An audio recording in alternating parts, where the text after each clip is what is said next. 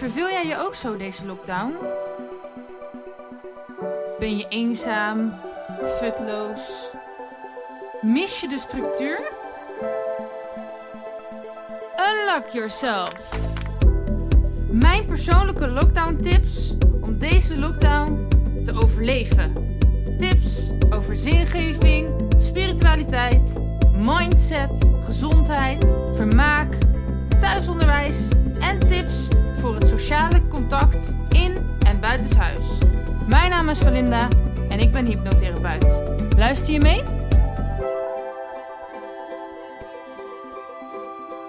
Lockdown tip 36. Wees lief en mild naar jezelf als thuisleraar. Deze tip was geschreven voor de ouders die thuisonderwijs gaven, maar inmiddels zijn alle scholen volgens mij weer open. Volgens mij zijn er nog wel een aantal ouders die hun kind nog thuis laten. Ehm, dus heeft het dan wel zin om mijn tips over thuisonderwijs nog te geven? Ehm, ja, denk het wel. Want eigenlijk zijn mijn tips tips voor leraren in het algemeen. En ik heb echt wel een, het idee dat door corona er heel veel gaat veranderen in de wereld, of eigenlijk al aan het veranderen is. Dus de maatschappij ziet er nu gewoon heel anders uit, komt er straks heel anders uit te zien. En uh, ik denk dat het onderwijssysteem ook heel erg al vernieuwd is, doordat het opeens allemaal online moest. En nog veel meer gaat vernieuwen. Zo trouwens ook het zorgsysteem.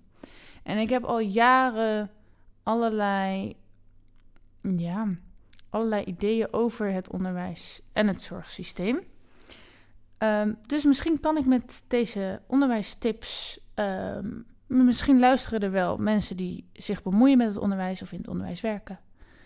Uh, sommige tips zullen ze vast al wel gebruiken. Uh, maar misschien kunnen ze er nog wat mee voor de vernieuwingen. Um, ja. Alleen dan zit ik wel te denken, hoe kunnen we dan deze thuistip meegeven aan de gewone leraar?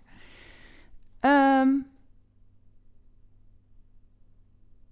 ja, dat slaat eigenlijk nergens op. Wees lief voor jezelf als thuisleraar. lief en mild voor jezelf als thuisleraar. Um, ja. Strik altijd je veters. Nou, nee, misschien is deze dan meer. Dus er komen nog tips over het onderwijs. Ik laat gewoon deze podcast zoals die is. Boeien, ik ben ook maar een mens. Um, volgens mij is deze tip dan meer voor ouders die nu thuis werken. Die dan nu net geen thuisonderwijs meer geven, maar nog wel heel veel thuiswerken. En ook hun kinderen. Dus. Um, ja, hoe zeg je dat? Meer om hen heen hebben. Nee, maar die zijn naar school. Dat klopt ook niet. Nee, dit kan niet. Wat moet ik nou met deze tip? Wees lief en mild naar jezelf als thuisleraar. Weet je wat? We doen het gewoon. Wees lief en mild naar jezelf. Dat is eentje die voor alles gaat. Wees lief naar jezelf. Oké. Um, dus wees niet teleurgesteld dat je misschien tekort zou schieten. Dit ging dan over lesgeven, maar hè, dat je misschien tekort schiet in je huishouden, in het werken thuis, in alles wat je moet doen, in je opvoeding van je kinderen en alles uh, in het op elkaars lip zitten. Um, wees blij dat je gewoon elke dag te eten hebt, elke dag aandacht hebt, elke dag liefde hebt. En dat is het allerbelangrijkste. Dat is volgens mij het enige wat je nodig hebt. Genoeg eten elke dag, genoeg drinken. En mensen om je heen van wie je houdt. En voor de rest, het is handig en leuk om dan nog een dagbesteding te hebben, om afspraken na te komen. Maar als het allemaal even niet lukt, zolang je elke dag nog te eten en te drinken hebt en mensen om van te houden. En een dak boven je hoofd is over het algemeen ook wel fijn. Um, ja, dan hoef je, moet je niet boos op jezelf zijn voor hè, dat je niet succesvol genoeg zou zijn of niet genoeg doet. Of, mm, nou ja, deze tip is ook vooral voor mezelf. Hè, want ik kan zo ontzettend streng voor mezelf zijn soms. Ik wil altijd beter en meer en alles moet perfect in mijn hoofd en zo. En ik red het nooit. Ik doe altijd te weinig. Maar ja, ik heb elke dag nog gewoon te eten en te drinken. ik doe eigenlijk heel veel leuke dingen. Dus misschien doe ik het gewoon best wel goed. En moet ik niet zo streng zijn voor mezelf. Ehm, nou, dan nog even over die kinderen. Want we maakten ons allemaal superveel zorgen hè, dat, ze, dat ze een onderwijsachterstand zouden hebben. Dat zeggen ze ook allemaal, geloof ik, in het nieuws. Ik kijk geen nieuws, maar dat had ik wel gezien op social media. Dat heel veel wordt gezegd van, oh, die kinderen hebben allemaal een onderwijsachterstand. Nee, ik geloof niet dat die... Tuurlijk, ze zullen niet uh, de lesstof zoals de regering die heeft voorgeschoteld nu op dat niveau hebben. Maar een, een mens, en vooral een kind, die is van nature al super nieuwsgierig, leergierig. Een kind leert van nature al. En misschien heeft het dan niet zoveel geleerd van de lesstof in de coronaperiode. Maar kinderen leren van het leven zelf. Ze zijn nieuwsgierig, ze willen spelen, ze willen ontdekken, ze stellen vragen. En misschien leer je wel veel meer van het leven zelf door het gewoon te gaan leven dan wat er in de wiskundeboekje staat. Handig als je niet naar buiten kan. Wat zeg je? Handig als je niet naar buiten kan. Nee, oké, maar in huis kun je toch ook heel veel leren? Ja, ja, in de gevangenis kun je ook veel leren. Oké, maar we zit je nu mijn tip af te kraken, Dennis? een beetje. Oh, nou. Een, een klein beetje. Want ik bedoel, waar moeten die kinderen heen dan? Die zitten nu geïsoleerd allemaal. Ja, maar de, de speeltuinen zijn ook gewoon open. En de natuur is open. Denk je dat ze uh, vroeger in de oertijd, zeg maar. Het waren er ook geen pretparken, maar ze leerden wel heel veel. Oh, ja, ja, maar ja. Had je geen kamertje waar je in opgesloten zat en nu wel. Waarom zit je nu opgesloten? De kinderen mogen gewoon nog met elkaar spelen en zo. Oh ja, dat is waar. Wat uh, zit je nou mijn lockdown tips te onderbreken?